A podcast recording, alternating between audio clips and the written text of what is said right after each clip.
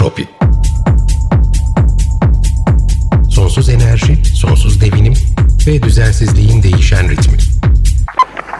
Hazırlayan ve sunan Nikel Mekberzade.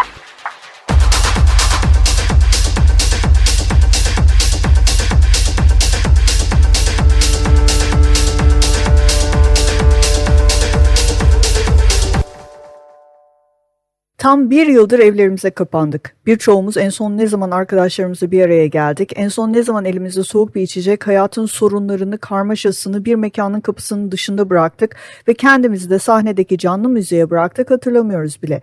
İlk kapanan mekanlar barlar oldu ve öyle gözüküyor ki son açılanlar da gene onlar olacak. İçkili eğlence mekanlarını son yıllarda artarak uygulanan vergilerin altında ezilen bu mekanlar tam bir yıldır mutlak kapalı. Ne zaman açılacaklar belirsiz. Açılış tarihleri belli olsa da, açılsalar da, tüm önlemleri maksimum seviyede alsalar da bunun maliyetini kaçı göğüsleyebilecek? Peki ya müzisyenler? Müzikle ve müzikten beslenen insanlar en sevdiğimiz, her konserine gittiğimiz müzik grupları onlar bu son seneyi nasıl geçirdi? Gelecek onlar için nelere gebe? Ve son olarak bağımsız müzik şirketleri, temsilciler, menajerler, organizatörler. Bırak büyük bir müzik festivaline ufak bir konser gecesine bile yakın bir zamanda katılabilecek miyiz? Bulaş oranları bir türlü dinmeyen, aşağı seviyeye inmeyen hastalık oranları ve ölümler. İlk derdimizin sağlıklı ve hayatta kalmak olduğu bir süreçte müzik, eğlence, kalabalık ortamlar ne kadar cazip. Bugün tüm bu konuları ve daha fazlasını Reptilians from Andromeda grubunun kurucularından sevgili Aybüke Çelik Özbey ve Tolga Özbey, Hexe Müziğin kurucusu Hatice Arıcı ve Karga Bar'ın işletmecilerinden Murat Seçkin ile birlikte konuşacağız. Bugün günlerden 22 Mart Pazartesi, Entropi'nin 25. bölümüne hoş geldiniz. Sevgili Aybike, Tolga, Murat ve Hatice hoş geldiniz. Aybike ve Tolga siz Türkiye'deki yeraltı müzik dünyasının gelmiş geçmiş en yaratıcı gruplarından birisinin Reptilians from Andromeda'nın kurucularısınız. İsmiyle özdeş bu kalemun gibisiniz aynı zamanda. Ortama uyum sağlayabiliyorsunuz, trendleri yakalayabiliyorsunuz, onları özümseyip onlarla dalga geçebiliyorsunuz. Yeri geldiğinde güzel ezber de bozuyorsunuz. Bu arada Aybike'nin yaratıcılığı ve değişime olan açıklığı baki ama aynı zamanda Tolga senin tecrübende kesinlikle yatsınamaz. Ee, ama aynı zamanda ikiniz de işin sosyolojisine de kafa yoruyorsunuz. Hatice sen gündüz başarılı ve yetenekli bir mimarsın. Geceleri de bu yeraltı dünyasının yer ve yeni böyle taze, yer yer yer taze, e, yer yerde eski ve köklü yeteneklerinin temsilcisisin. Sevgili Murat sen de Kadıköy'ümüzün Türkiye'nin yeraltı kültürüne ev sahipliği yapan en eski ve hala ayakta ama ve hala direnen sevgili kargasını vizyonunu çok geniş bir yelpazen gelen insanların nefes alabileceği, kabul görebileceği, yargılanmayacakları bir yaklaşım kattın. Hepimiz aslında e, hep birlikte üst kattaki Karga'nın sanat galerisinde çoklukla buluştuk. Karga'nın tam koleksiyonerlere layık Karga mecmuasının arkasındaki beyinlerden, yaratıcı güçten ama daha da önemlisi az önce bahsettiğim hepimizin de içinde bulunduğu dahiyeti artıran faktörlerden, kişilerden birisisin. Aynı zamanda Hatice ile birlikte Açık Radyomuzun sevgili programı Mazruf'u da hazırlıyorsunuz ve sunuyorsunuz. Şimdi biz bugün burada Entropi'nin kısa tarihindeki en kalabalık grup olarak pandemi döneminde birçok müzisyenin intihar ettiği, bu haberlerin eski tabirle gazetelerin ancak ikinci sayfasına yer alabildiği bir dönemde yaratmak, üretmek, bu üretimi hayata geçirmek, sonrasında pazarlamak ve sunmak ve en önemlisi bunun sunulduğu yer olmak olguları değişirken bu süreçten sizler nasıl etkileniyorsunuz? Bu sürece nasıl adapte oldunuz? Nasıl ayakta kaldınız? Kalıyorsunuz? Bunları bir masaya yatıralım istedim. Hatice senin müzik e, şirketinin çok güzel e, Instagram'da da paylaştığın e, bir paylaşımı vardı. E, diyorsun ki her krizi ilk gözden çıkarılan, ilk cezalandırılan sanat, müzik, kültür endüstrisini sadece eğlenceden, tüketimden ibaret görmeye devam eden muhafazakar yapı ve yoz erk değişmedikçe emeğini müziğe döken insanların üzerine çöken bu riyakar karanlık dağılmayacaktır diyorsun. Ben bununla sözü size bırakmak istiyorum. Önce Aybike ve Tolga sizin konserlerinize ki e, en son sizin konserinize geldim e, geçtiğimiz sene Mart ayındaki kargadaydı tesadüfen. Hepimiz oradaydık e, ve sanırım en son fiziksel olarak görüşmemiz de o zamana denk geliyor. E, ve ondan sonra bütün ülke ve hatta dünya kapandı. Orada sizin hayatınızda e, müzik olarak, üretim olarak paylaşmak adına neler değişti, neler yaşadınız? Önce bir sizle başlayalım mı? Yani e, herkes gibi aslında biz de çok tabii e, bir hızlı bir şekilde adapte olmaya çalışarak e, girdik pandemiye. Evet. Ya biraz belki şöyle bir avantajımız vardı. Biz turne sırasındayken aslında pandemi Çin'den Avrupa'ya sıçramıştı. Biz de bunu takip ediyorduk. Bir farkındalığımız vardı bunun yaşandığını. Evet. Ve geldikten sonra da uzun sürede hani Türkiye'nin bunu bir kabullenemediği bir dönem geçtiği sırada da biz bunun hani e, bütün şiddetiyle aslında yaşanacağını da farkındaydık. Kendimizce de bunu aslında o dönemde bence adapte ettik. Yani grup içerisindeki arkadaşlarımızla da e, bu işin böyle gitmeyeceğini farkındaydık. Gerçi 14'üne kadar da konsere gittik. Bizim de en son gittiğimiz konser Şipastı Bey konseriydi. Evet doğrudur.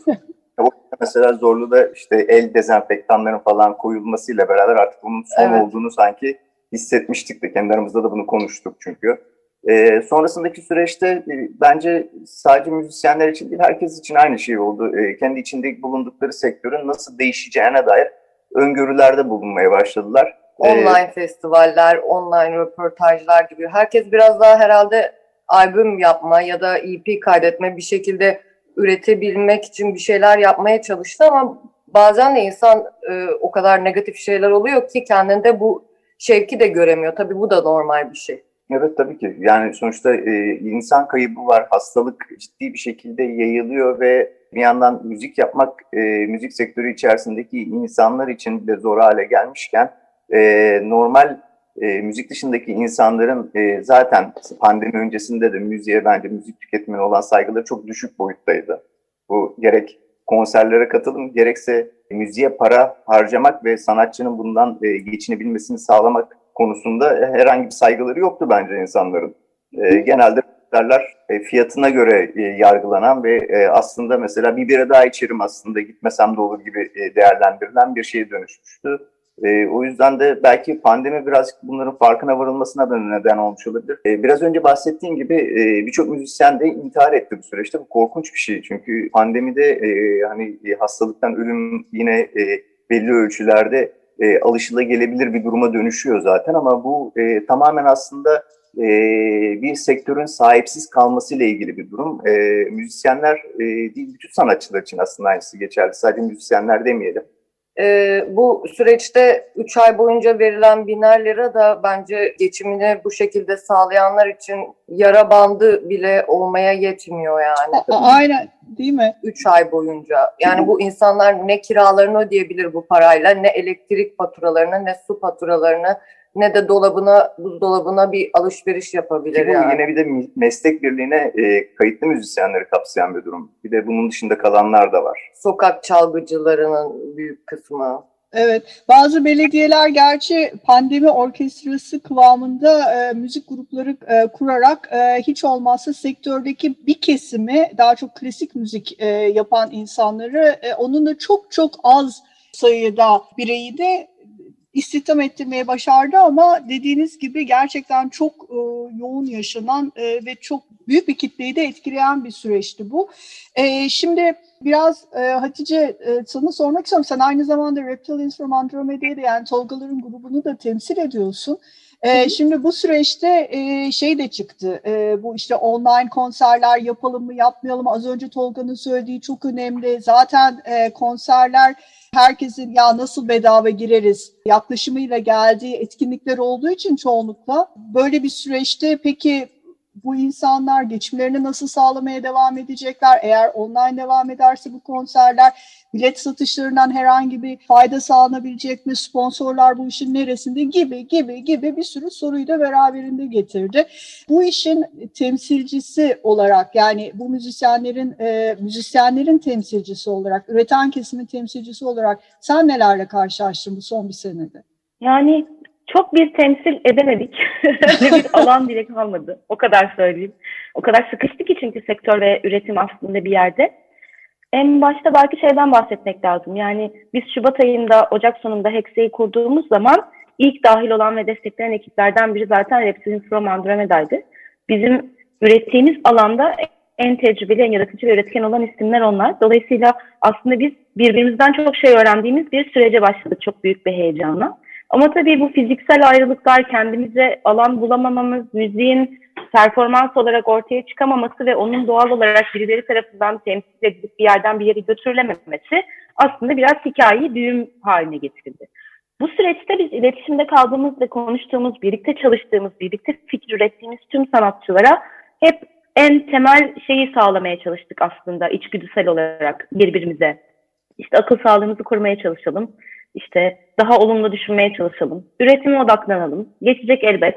Bu bize özel bir şey değil. Bütün dünyada olan bir şey. Sakin kalmak lazım gibi.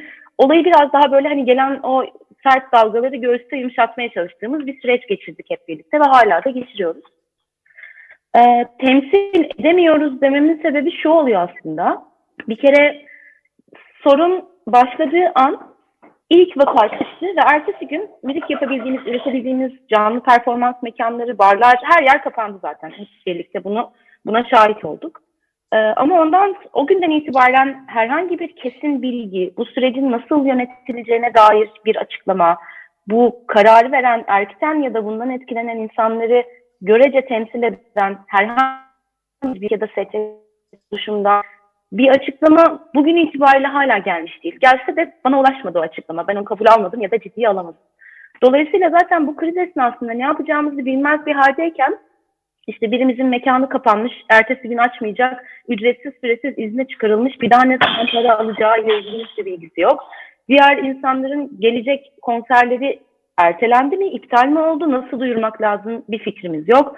E, zaten hani bir şeyleri alternatif alanda, bağımsız platformda kendin yapçı tarafta yani ana akım sponsoru olan fonlanan kısmın dışında zaten kendi emeğinizle uğraşınızla yapmanız gereken bir şey. Dolayısıyla aslında kabus zaten çok erken başladı.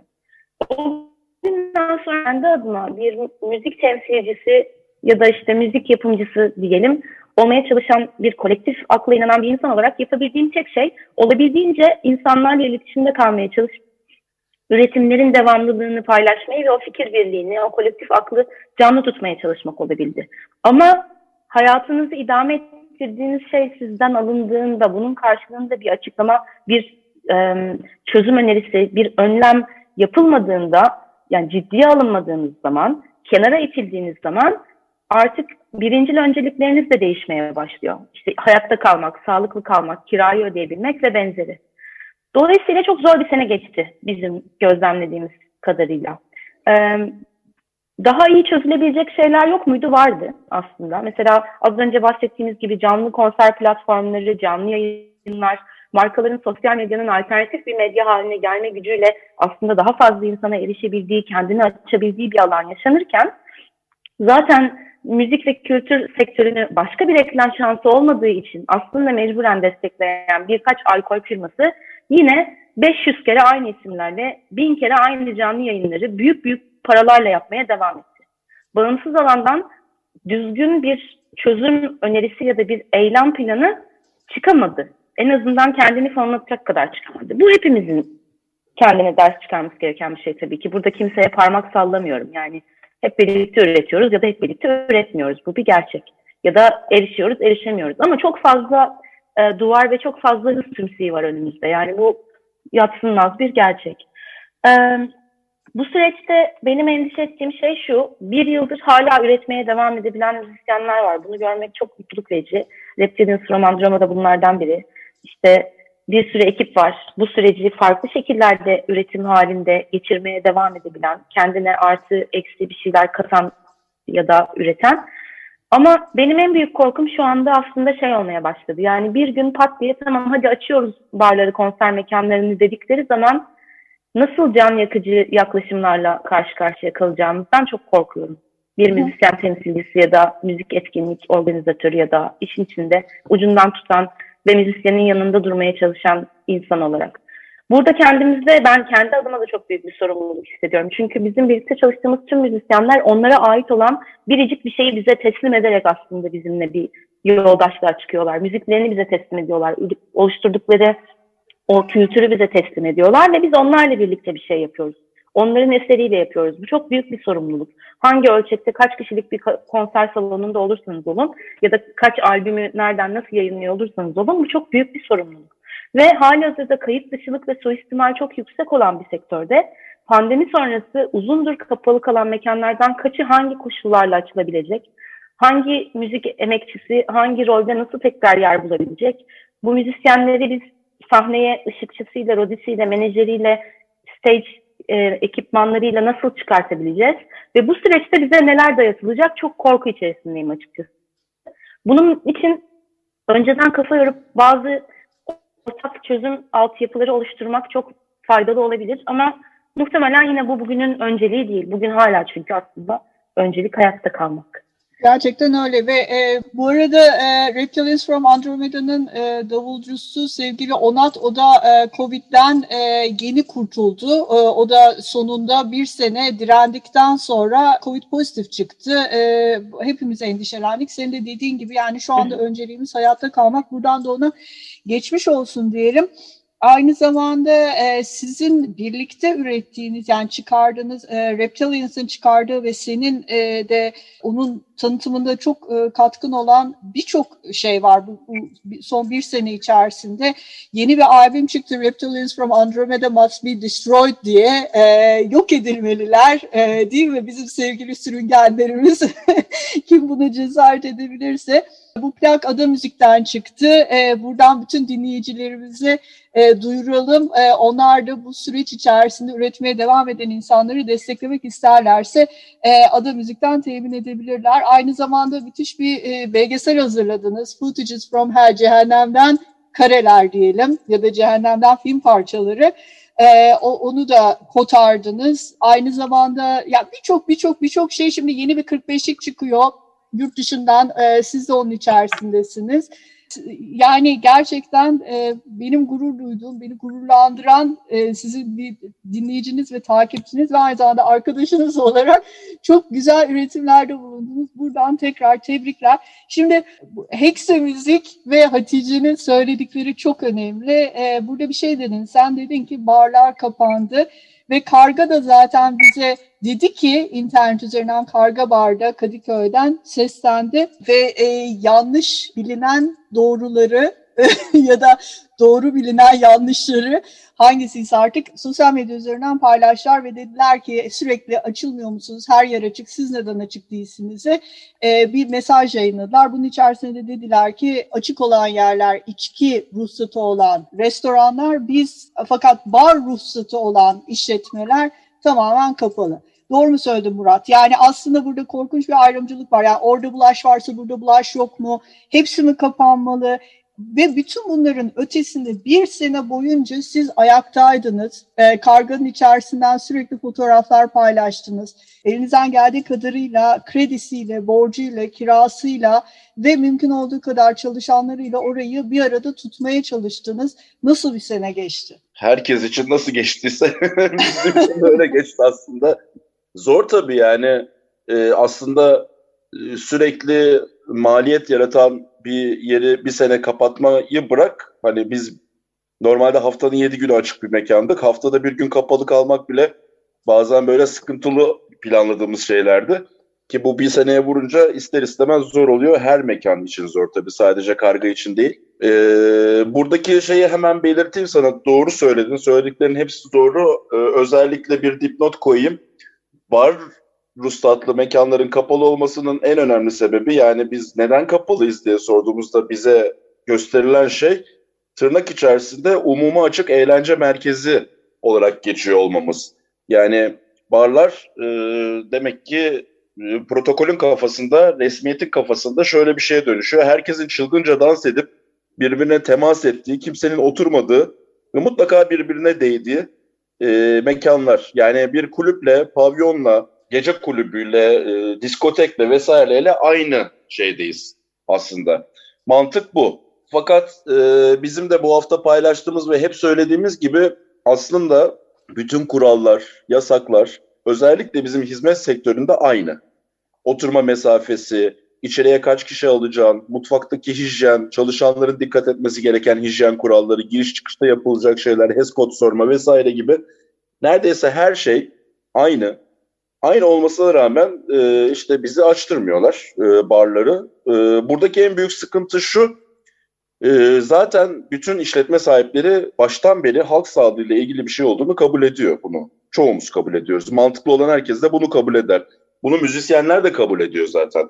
Konser salonu sahipleri de kabul ediyor. Fakat uygulanan, daha doğrusu uygulamalar kendi içerisinde o kadar çelişki veriyor ki insan ister istemez bunu sorgulamak zorunda kalıyor. Yani madem aynı şekilde davranacağım, madem aynı kurallara uyacağım, madem aynı yasaklar benim için geçerli, ben niye açamıyorum, ben niye açtıramıyorum? Burada hemen önümüzde şey geliyor. Bir iş ya işletme için, sadece bir işletmeci değil için, için değil yani bir insanın hayatı için zaten yaptığı planlar için var olan bir belirsizlik. O belirsizlik zaten bizi en e, sıkıcı ve sorunlu hale getiren şey. Çünkü e, bize dense ki biz sizi iki sene açmayacağız dense biz de ona göre bir önümüzde bir yol planı çizeriz, bir şey yaparız. İki sene sonra yine duruma bakarız. Ama bizde öyle hiçbir şey yok. E, her çarşamba veya her salı yapılacak açıklamada bir beklenti var. Sürekli bekliyorsunuz. Ha, haftaya bir şey diyecek, haftaya bir şey diyecek. Tamam haftaya demedi bir hafta sonra bir şey deneyecek diye bekliyorsunuz. Fakat bu beklentinin sonucunda herhangi bir kurumdan herhangi bir açıklama alamıyorsunuz aldığınız tek açıklama işte genelge yayınlandığı gün e, yanlış anlaşılmaların önlenmesi için yapılan e, tamam siz kapalısınız. Diğerleri devam ediyor ama siz kapalısınız veya siz de kapalısınız. Hepiniz kapalısınız gibi şeyler. Bunların dışında e, yapılan yardımlar hiçbir şey yapılmadı mı? Tabii ki yapıldı. Hiçbir şey planlanmadı mı? Tabii ki planlandı.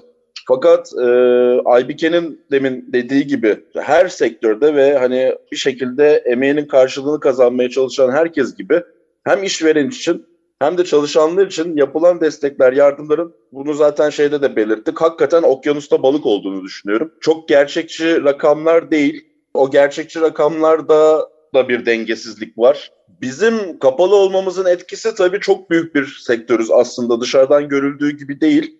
Buradaki en büyük problem mesela şu kendi aramızda da özellikle o Hatice de belirtti. Bizim sektörde de kendi aramızda bir diyalogsuzluk olduğu ortaya çıktı.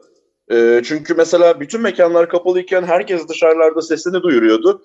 E, hepsi açılıp bir kısmı kapalı olunca bir anda her şey geçti. Tabii ki şeyi çok iyi anlıyorum. Yani herkes bir anda kendi derdine düşüyor. Bu çok normal bir şey. Ama e, organize olmak, kolektif olmak da işte tam böyle zamanlarda aslında işe yarıyor. Yani evet ben hayatıma devam ediyorum ama öbürleri ne yapıyor acaba? Onun da sesini kısmamak lazım. Destek olmaya devam etmek lazım diye düşünmek lazım. Bizim sektörde de böyle bir şey var. Rakam olarak verirsem genelde de hep örnek olarak verdiğimiz rakamlar bu tarz konuşmalarda. E, Kadıköy çevresinde yuvarlak rakam söylüyorum. E, bin civarında e, ruhsatlı mekan var. E, içki satan e, kafe tarzında veya içkili restoran tarzında. Bunlardan sadece yanlış hatırlamıyorsam 80 küsür tanesi var ruhsatlı. Şimdi bu bin mekanın e, 900 küsürü açılıp 80'i kalınca biz arada yine kaybolduk. Bir önceki şeyde olduğu gibi, kapanışta da olduğu gibi. Bir anda sanki her şey normale dönmüş gibi. Çünkü binin altın yanında 80'in pek bir önemi kalmıyor. Ne yazık ki. Burada önemli olan şey bence e, bu süreçten sonra illa her şeyin normale dönmesini beklemeye gerek yok. Bütün alanlarda yani hem e, eğlence sektörü hem bizim sektör hem kültür sanat sektörü Sektör deyince e, birçok arkadaş kızıyor. Özellikle benim çok yer verdiğim punk arkadaşlar da kızıyor. Ama sektör bir gerçek. Yani sektör önemli bir kelime. Bunun mutlaka söylenmesi lazım. E, işin doğrusu bunun tersini söylemek biraz da şeye e, katkıda bulunmak oluyor. Yani işte müzikten de para kazanılır mı? Eğlence. Veya işte sinemadan para kazanılır mı? Eğlence. E, bar barda çalışmak da iş mi zaten? Hani gibi şeylere aslında biraz destek vermiş olunuyor buna karşı çıkarak. Ama sektör diye bir kelime var, teknik bir terim bu ve bence kullanılmalı. Çok da güzel tarif ediyor her şeyi. Ve bunların da hepsi bir sektör. Yani sen herhangi bir konserden bir kere para aldıysan, para kazandıysan zaten oraya dahil olmuş oluyorsun. Bunun şeyini yapmanın bir alemi yok, karşılığını yapmanın bir alemi yok. Bütün bu çevrelerin aslında tam da bu süreçte gerçekten oturup biz önceden ne yapıyorduk, şimdi ne yapıyoruz, nasıl düzeltebiliriz diye düşünmesi lazım. Bunu bir senedir söylüyoruz. Çevremizdeki birçok insan da bunu söylememizden sıkıldı ama yapılmadığı için söylemek zorundayız ya. Başka şansımız yok. Doğru söylüyorsun ama e, bir de şöyle bir şey var. Şimdi hepimiz burada yeraltı kültürünü de e, yakından tanıyan ve e, hasbelkader içinde yer alan insanlarsak eğer e, bizim e, bir e, yönümüz de biz genelde bu krizlere aslında alışığız. Yani bugün pandemi, evet, yarın başka bir şey. Ve bunların içerisinden güçlenerek çıkmayı da becerebiliyoruz çoğunlukla. Çünkü hem eleştirmeyi e, burada yapabildiğimiz gibi ve hem de senin söylediğin gibi yeri geldiğinde de kanlı bıçakla olsak da dayanışmayı becerebiliyoruz. E, gene söyleyeyim hasbel kadar ama e, senin de dediğin gibi katılıyorum organize olmak, kolektif olmak bunun ne kadar önemli olduğu bu dönemde gerçekten e, gözümüze gözümüze sokuldu. Birebir hepimiz bunu tecrübe ettik e, ve umarız en azından e, böyle bir krizi e, gene bir pozitife çevirip bu işin içinden çıkabiliriz. Arkadaşlar çok teşekkür ederim. Hepiniz hepinize ayrı ayrı geldiğiniz için konuşacak çok daha fazla konumuz var. E, ara ara sizin de vaktiniz olduğu zaman e, size almak isterim. Biliyorsunuz aynı zamanda korkunç bir gündemin içerisindeyiz. İstanbul Sözleşmesi'nden tek tarafla ayrılma gibi bir şey söz konusu. Aybike, Hatice biz sizle beraber Not Your Turkish Delight diye bir proje yaptık. Bunu Açık Radyo'da daha önce konuştuk. Programın ilerleyen bölümlerinde bunu tekrardan gündeme taşımak isterim. Biraz da işte madem müzik sektörünü açıyoruz azıcık bu oluşumun içerisinde kadın olmak ne demek? Öndeki kadın olmak, görünür kadın olmak ne demek? Biraz da bunu konuşalım isterim. Ee, böylece e, Entropi'nin bir sonraki bölümünde de tekrar sizi dinleyicilerimizi buluşturacağımın sözünü buradan vereyim. Siz de artık hayır demeyi verin. Tabii ki. Çok teşekkür ederim katıldığınız için. Kendinize iyi bakın. Sağlıklı kalın. Biz Görüşmek teşekkür üzere. ederim. Çok özledim hepinizi. Görüşürüz.